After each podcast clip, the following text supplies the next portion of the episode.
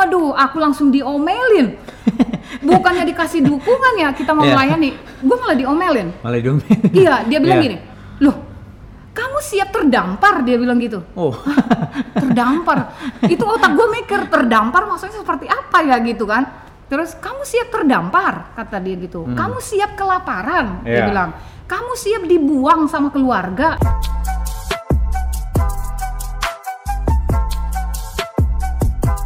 Yo yo, balik lagi di part 2 Suara Next Gen dan masih dengan Kak Sri. Nah, hari ini kita mau lanjutkan uh, cerita di part sebelumnya. Oke, Kak Sri.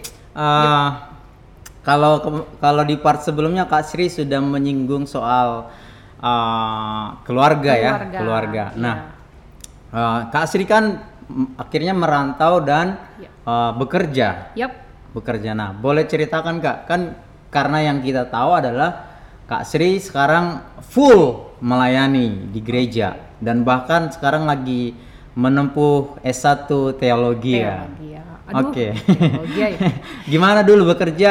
Kenapa jadi full time di pelayanan Kak? Ya, jadi gue tuh dulu bekerja di satu perusahaan Mm-mm. namanya itu perusahaan Mattel itu Mattel. kayak boneka Barbie gitu. Oh. Nah, ya singkat ceritanya dengan segala proses Mhm, gitu, gue tuh di situ tuh eh, menurut gue ya ada ada posisi yang enak lah kira-kira Mhm, gitu, bekerja dalam posisi yang enak gitu. Udah settle lah ya. Iya, udah settle gitu. Nah, tapi eh, satu kali, satu kali itu eh, kalau bicara tentang tentang bekerja, Ya. itu walaupun tadinya gue belum lahir baru Hmm, gitu, hmm, belum lahir baru, tapi konsep gue bekerja, Ya.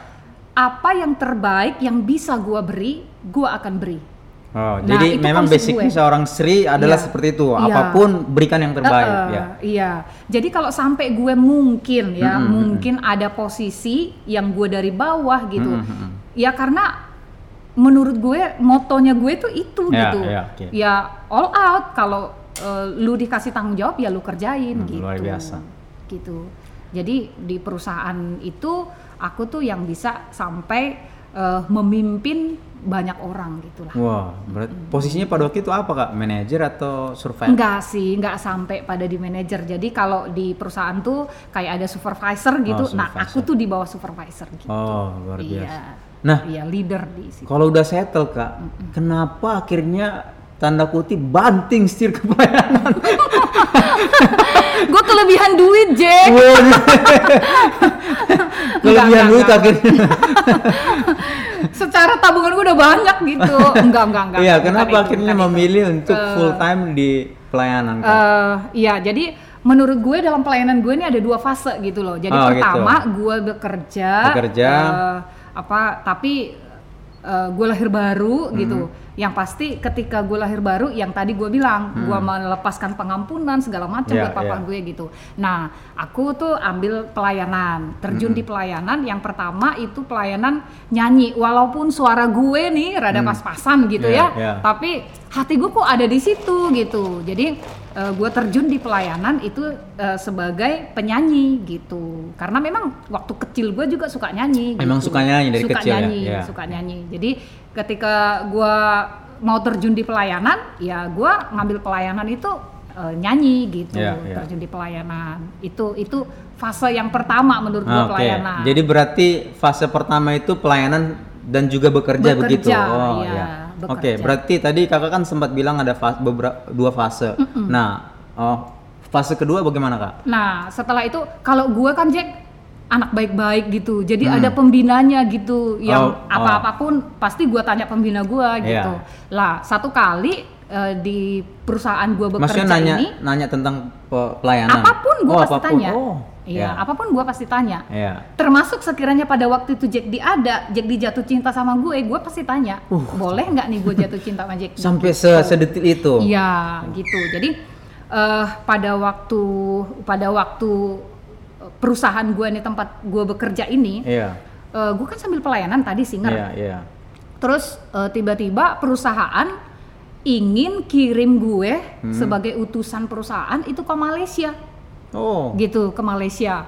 Nah, tadi kan gue bilang tanya Hmm. terus sama pemimpin. Iya. Lalu saya tanya nih pembina, saya ada tawaran perusahaan, Mm-mm. gue pengen Ambil apa dikirim ke enggak gitu. Malaysia, Mm-mm. iya. Ini ambil apa enggak Iya. gitu, ambil apa enggak. Si pemimpin aku ini langsung bilang, lu nggak boleh pergi Hmm. gitu, lu nggak boleh pergi, kamu nggak boleh ambil itu, dia bilang gitu, tanpa tanya kenapa, bagaimana dan apa alasannya, Iya. ya gue hatinya ya tunduk aja sama Iya, iya. pemimpin gitu. Ya udah gua gua nggak ambil gitu, gua nggak ambil, tapi gue tetap bekerja di perusahaan itu gitu. Kan namanya kan gue ditawarin kan, Hmm, maksudnya hmm. mau nggak ke Malaysia enggak, ya. gitu. Jadi gue bilang gue nggak mau gitu. Sam- oh, jadi mentor eh, rohani ini sampai eh, kalau ada pilihan ambil apa nggak sampai sejauh itu ya Hmm, ininya. iya, karena menurut gue pemimpin gue tuh ya utusan Tuhan gitu.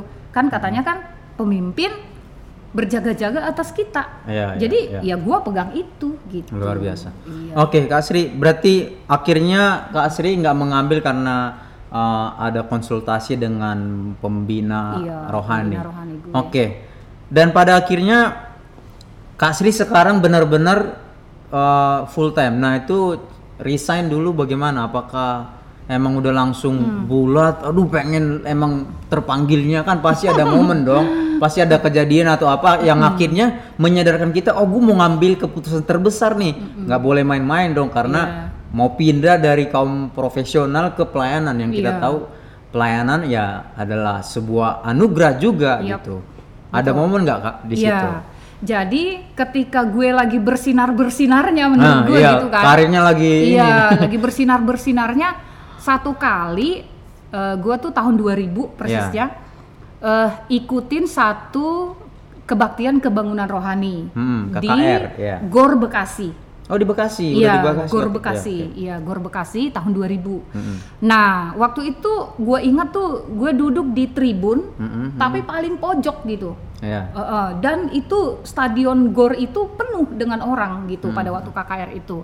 Lah gue duduk di pojokan. Iya. Gue kan udah pelayanan, udah Iya. singer gitu. Tapi pada waktu gue ngikutin itu, gue duduk di pojokan gitu. Nah ketika berdiri, entah kenapa penglihatan gue kayak gitu Jack. Hmm. Ada penglihatan bukan orang-orang yang di situ yang gue lihat gitu. Oh. Tapi gue lihat kayak lautan manusia banyak gitu, Mm-mm, mm-mm. kayak banyak tapi nggak nggak lama gitu hanya seketika aja Hmm. gitu seketika saya lihat ketika nyanyi gitu ih kok ada lautan manusia ya gitu kok banyak Hmm, banget hmm, manusia tapi yang gue lihat bukan yang itu gitu beda yang Jadi dalam kayak ada dimensi gua. lain gitu. iya Oke. iya kayak gitu nah setelah itu ya namanya masih anak muda biar gimana kan gue masih muda Jack Iya. waktu itu Iya, gitu iya, loh iya. maksudnya masih masih umur 20 tahun 22 tahun gitulah gitu kan nah ketika gue pulang ke rumah Mm-mm. gitu gue pulang ke rumah nggak berapa hari dari situ gue mimpi Hmm. ya gue mimpi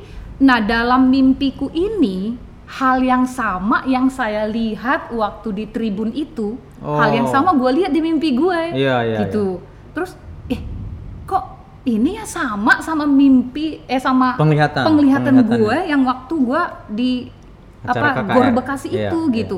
Kok sama ya? Nah sekali lagi gue pasti tanya pemimpin. Iya. gitu. Pasti gue tanya.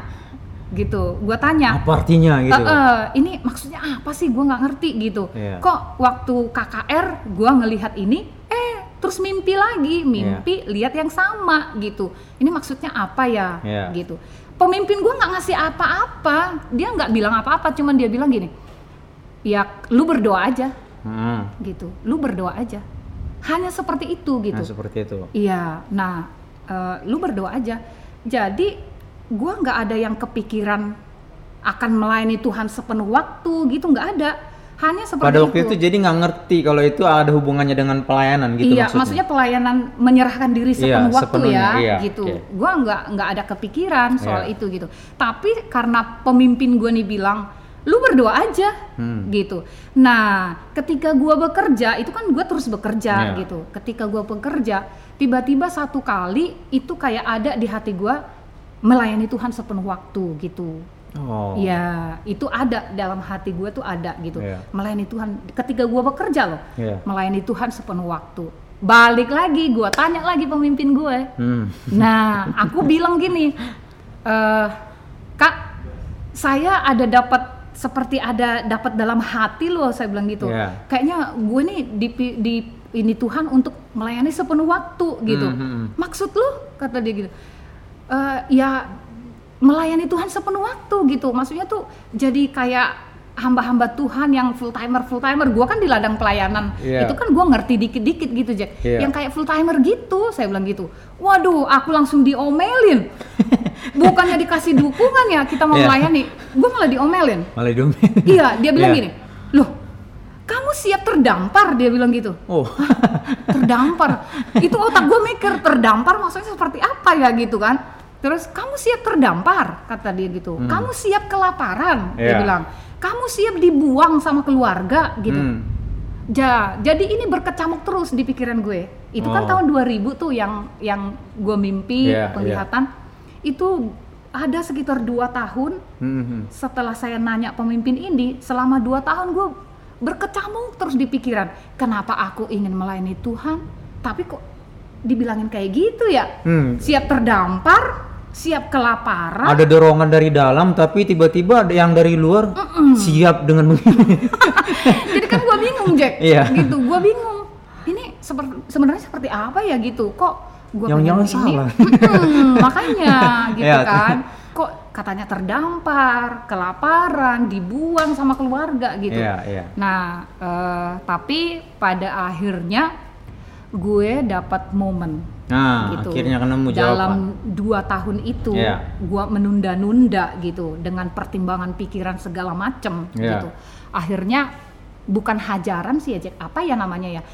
Eh, gua kena sakit sampai tiga kali Oh. gitu dalam satu tahun. Iya, iya. Dalam satu tahun itu kalau boleh bahasa gue sih bahasa Iya, iya, gue, iya. gue dihajar sama Tuhan gitu. Mm, mm, mm. Gue dihajar sama Tuhan sampai tiga kali Sakit sakit, itu, sakit. Mm-mm. dan puncaknya puncak sakitnya itu gue dinyatakan gagal ginjal Hmm, sampai Iya. gagal, gagal ginjal. Mm, gue dinyatakan gagal ginjal ginjalnya tidak berfungsi Mm-mm, gitu sampai dinyatakan gue gagal ginjal waktu itu ceritanya itu gue pulang kerja Iya. biasa kan gue dijemput sama perusahaan Iya. antar jemput Iya, gitu mobil ya. Mm-mm. kalau jadi tahu itu tol barat Hmm. begitu gua keluar tol barat tiba-tiba gua Yang pingsan depan Giant ya? iya Oh, iya. tiba-tiba gua pingsan gitu Eh, pingsan udah nggak tahu apa-apa gitu selama dua apa tiga hari gua nggak ngerti apa-apa yang pasti gua dimasukin aja di rumah sakit terdekat Iya, gitu iya. rumah sakit Mitra Barat Mitra, iya, Mitra. iya. jadi gua dirawat di sana selama tiga hari setelah itu gua sadar Hmm. gitu Tiga Setel- hari? iya setelah itu gua sadar Tiga hari pas- nggak sadar. Mm-mm, pas Oke, gua oke. bangun kenapa kaki sama tangan gue tuh diikat ya gitu ternyata katanya karena gua meronta-ronta gitu Oh. Gua meronta-ronta terus selang udah di mana gitu Hmm, hmm, hmm. ada selang terus eh, akhirnya singkat ceritanya itu gue ceritain deh rumah sakit eh ini apa eh, kantor gue Hmm, itu kan punya rekanan rumah sakit Iya. Salah satunya rekanan rumah sakitnya adalah MMC Jakarta. Iya. Nah, sedangkan Mitra Barat itu bukan Bukan, rekanan bukan rekanan perusahaan. perusahaan. gue gitu. Iya. Nah, gue udah dijadwalkan pada waktu itu untuk operasi Jack. Oh, sampai mau Iya, ke tahap operasi. Iya, mau operasi gitu kan. Tapi karena itu bukan rekanan rumah sakit perusahaan gue, Mm-mm. akhirnya gue rencana akan dipindah ke rekanan perusahaan. MMC ya, MMC Jakarta. tadi, ya. Iya. Nah, waktu itu pas hari Sabtu, Tapi waktu itu tinggal di Bekasi. tinggal di Bekasi. Bekasi, ya. Iya, tinggal di Bekasi. Nah, eh, hari Sabtu, gue masih ingat itu, tidak akan lupa cerita itu. Hmm. Hari Sabtu, eh, tiba-tiba eh, seorang ibu gembala Iya. mendapatkan berita dari yang menjaga saya, Sri akan menjalani operasi hari Senin, Oh. gitu. Akan Iya. menjalani operasi hari Senin. heeh. Tetapi hari Sabtu itu ketika seorang ibu gembala ini mendengar berita yang seperti itu, Iya, iya. orang yang ngejaga saya langsung disuruh bawa pulang. Loh, Lu kebayang nggak Jack? Gua lagi dipasangin selang, gua lagi diikat, lagi dijadwalin mau operasi hari Senin, gue disuruh pulang cuy. what happened? Maksudnya kenapa? Kenapa? karena apa ya iman kali ya tepatnya ya Jack. Oh. Ya, jadi seorang ibu gembala dia menyatakan suruh bawa pulang. Gue juga nggak tahu alasannya apa. Hmm, hmm. Nah, rumah Padahal kondisi udah Iya. selang. Iya, Iya. kondisi gue udah dipasang selang Iya, gitu. iya. Nah, gue disuruh pulang, ya yang jaga gue kebingungan dong. Iya. Waduh, gimana ceritanya nih? Pasien Udah seperti kritis ini, malah iya, disuruh bawa pulang. Ini pasien seperti ini kok dibawa pulang gitu. Iya. Nah, rumah sakit kan nggak mau ambil resiko, Jack. Iya, iya. Nah, akhirnya suruh tanda tangan pasien pulang paksa. Ya, ya. Gitu. Tanda tangan pasien pulang paksa. Akhirnya udah ditanda tanganin sama Iya. orang yang diutus gereja untuk jaga gue. Bukan ibu gembala tadi bukan? Iya disuruh ibu gembala Oh. orang untuk jaga Iya, gue iya, gitu. Nah akhirnya gue disuruh bawa pulang bukan ke rumah gue Jack, Ke mana? disuruh bawa ke gereja gue. Nah Berarti operasinya di gereja. ya tepatnya seperti itu, Iya. ya kan. Nah akhirnya gue dibawa pulang paksa gitu dengan tertatih-tatih gitu, Iya. dibawa ke gereja. Iya, iya. Nah waktu itu ibu gembala itu sudah nunggu di ruangannya dia. Oh. gitu saya dibawa ke sana terus jadi seumpama gini loh Jack misalnya ada pintu di Ya, depan pintu sana gitu depan. kan Ya, ibu gembalanya di sini ya, nah gue dibawa dong masuk lewat pintu ya. nah begitu dia lihat langsung dia bilang gini kamu percaya Yesus mati di kayu salib bisa menyembuhkan kamu Masih di depan pintu. iya Hmm. belum masuk Ya. terus waduh kan gua pikir ya kalau namanya orang sakit gue ya disayang dulu kek gimana kabarnya gitu kek ya Iya, ini langsung diteriakin. Kamu percaya? iya Iya. kamu percaya Yesus mati di kayu salib bisa menyembuhkan kamu gitu Iya. terus ya gua bilang iya waktu itu gua manggilnya Nande Hmm, nanti. iya Nande percaya gitu Hmm. yakin kamu katanya gitu bilur-bilurnya bisa mengoperasi ginjal kamu kata Hmm. dia gitu iya Nande yakin kita doa doa nih Jack doa dia kan penuh uh, atmosfer atmosfer yang gimana gitu Iya, ya kan iya. dia doa dengan sehusuknya Mhm. gue juga ikut lah ya kan Iya, gue iya. juga ikut namanya gue yang pengen sembuh gitu kan Iya. ya udah gue ikut berdoa gitu tapi satu yang gue di hati gitu Iya, ya Kak. gue bilang gini Tuhan masakan orang lebih terbeban atas kesembuhan gue daripada Oh, gue Iya, iya. jamah gue Mm-mm. sembuhin gue Iya. Gue nggak punya kekuatan apa pun sembuhin gue gitu terus setelah selesai doa ibu gembala tanya Iya. sekarang kamu pilih mau dirawat di gereja Ya. atau pulang ke kosan Ker- kamu Oh, ya, ke Iya. kosan. gue pilih pulang ke kosan gue Ya. Iya, pulang ke kosan gue. Terus hari Senin gue Hmm. dijemput sama perusahaan. Kan mau ke MMC. Iya, iya, iya. gue dijemput sama perusahaan. Terus sampai di MMC Jakarta. Hmm, hmm. Kan berkas gue kan semua bawa rekam Iya, mediknya iya, kan. iya. Rekam medisnya dibawa. Terus eh, diperiksa ya gagal ginjal. eh, operasi akan mengikuti Hmm. Sorry, tindakan sorry Kak, operasi. itu Kak, waktu itu umur berapa Kak? Umur yang pasti itu tahun 2002 ya Jack. Gue umur 2002. berapa ya itu ya? 23 kayaknya. 23. Iya, umur 23, 23 aja tahun. gagal, gagal ginjal kayaknya Iya, gimana gitu. Iya, umur 23. Ya, oke lanjut. Kalau pada saat itu gua pikir gua ya endingnya ini deh, gua mati Nggak, deh ini iya, gitu. heeh, oke, saking lanjut. Iya, sakitnya. lanjut. Nah, terus begitu sampai di sana, semua rekam medis gue diperiksa sama dokter Iya, di iya, sana, iya. gitu periksa dokter ginjal. Terus ya udah, otomatis kan mereka nggak mau dong, itu Hmm. dari dari awal kan harus diperiksa lagi, Iya, nggak iya. pakai itu gitu. Iya, iya. Akhirnya gue diperiksa ulang dari mulai pagi itu sampai sore. Sebelumnya di Mitra Barat. Iya, Iya. iya. Ber- Berarti yang men- mendiagnosa mendiagnosa gagal ginjal itu Iya. dari Mitra. Iya. Oke. Harusnya udah dioperasi di situ, cuman Oh, karena iya. nggak rekanan aja. Iya, oke, oke, Iya, oke. nggak rekanan perusahaan kan. Iya, oke. Udah sampai di sana periksa dari awal ini segala macam pemeriksaan ginjal. Begitu selesai pemeriksaan, dokternya seorang Kristen juga. Hmm, hmm, Ya, dokternya bilang begini, kamu sakit ginjal, Hmm. Ginjal kamu bagus dia bilang Noh, gitu. lo. Makanya gue bingung kan, gue yang kesakitan kayak udah mau mati gitu kok tiba-tiba nih dokter enak banget. Kamu sakit ginjal. kok tiba-tiba dia enak banget ya bilangin gua nggak ada sakit apa-apa Iya. enggak kamu nggak ada sakit apa-apa dia Iya, bilang iya.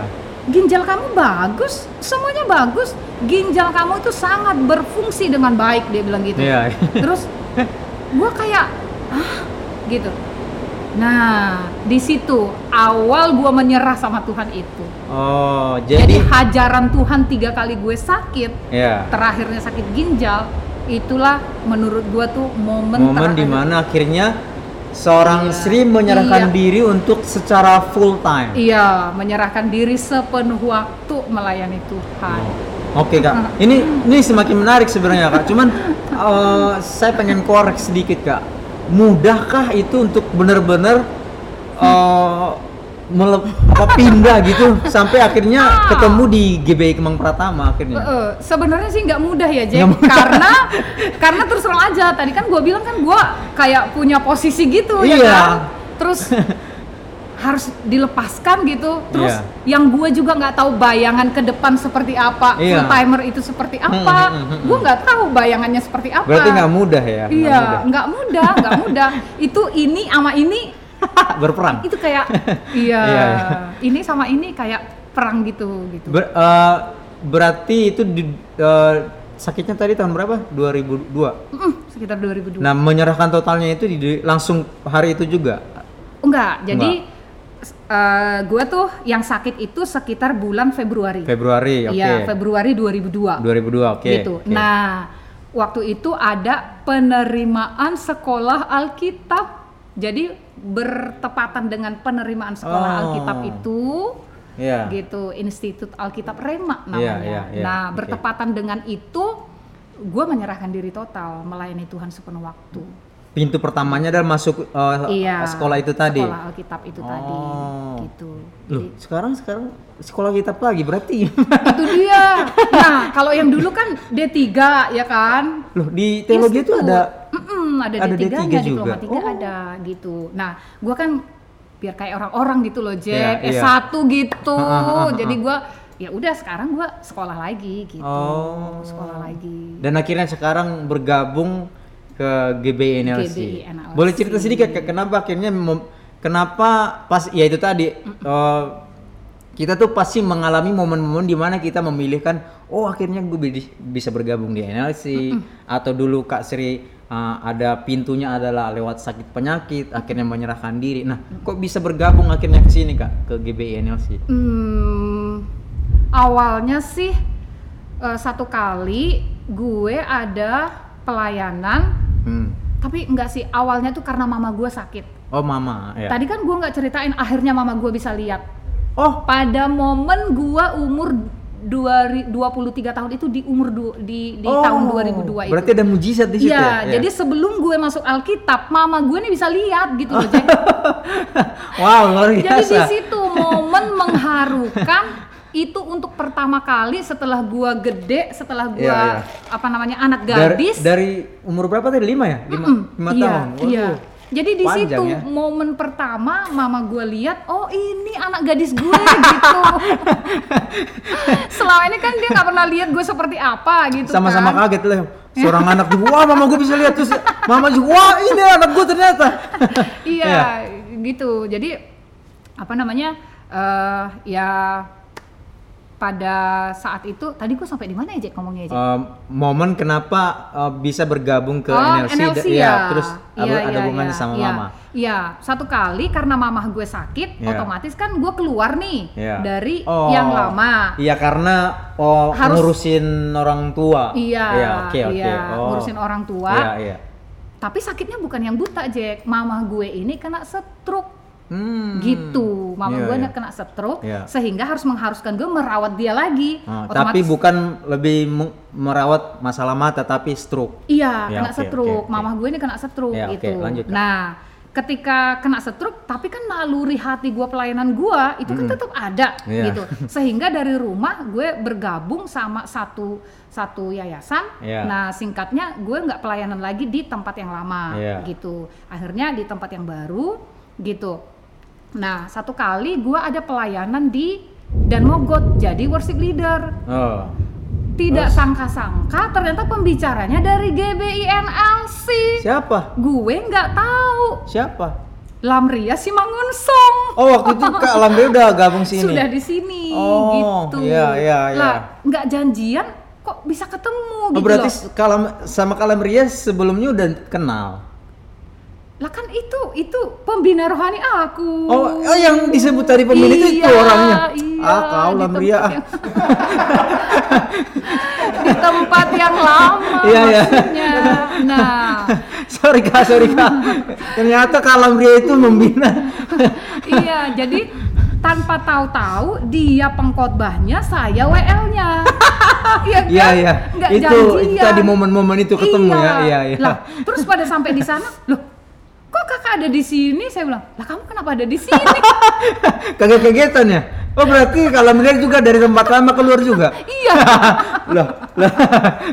Terus lanjut, lanjut. udah itu, udah itu eh, karena Kak Lamria ini kan lumayan jauh tuh di Dan Mogot. Mm-mm. Dijemputlah sama suaminya. Mm-mm. Ternyata suaminya nganter Bapak Gembala Rudi Suryo pelayanan di Citraland. Loh itu di dan- waktu yang sama? Atau Iya, hari Minggu yang sama. kok agak epic ya? Iya, jadi Pak Gembala pelayanan di Citraland. Heeh. Diantar sama Bang Yos. Oh, Bang Yos. Iya. Suaminya Kalamria. Iya. Heeh. Terus Nah. Ka- Kalamria sama Kak Sri ketemu di Dan Mogot. Iya di pelayanan di Dan Ah. Mogot itu. Lah pada waktu mau pulang, Iya. pada waktu mau pulang, Iya. otomatis kan si Bang Yos ini suaminya Kak Lamria ini Iya. bilang, "Pak, istri saya pelayanan di Dan Mogot loh." Lah, Hmm. ya udah panggil aja kita ketemu di mall di Citraland Iya. supaya kita bareng pulang gitu loh. Iya. Eh, supaya bareng pulang.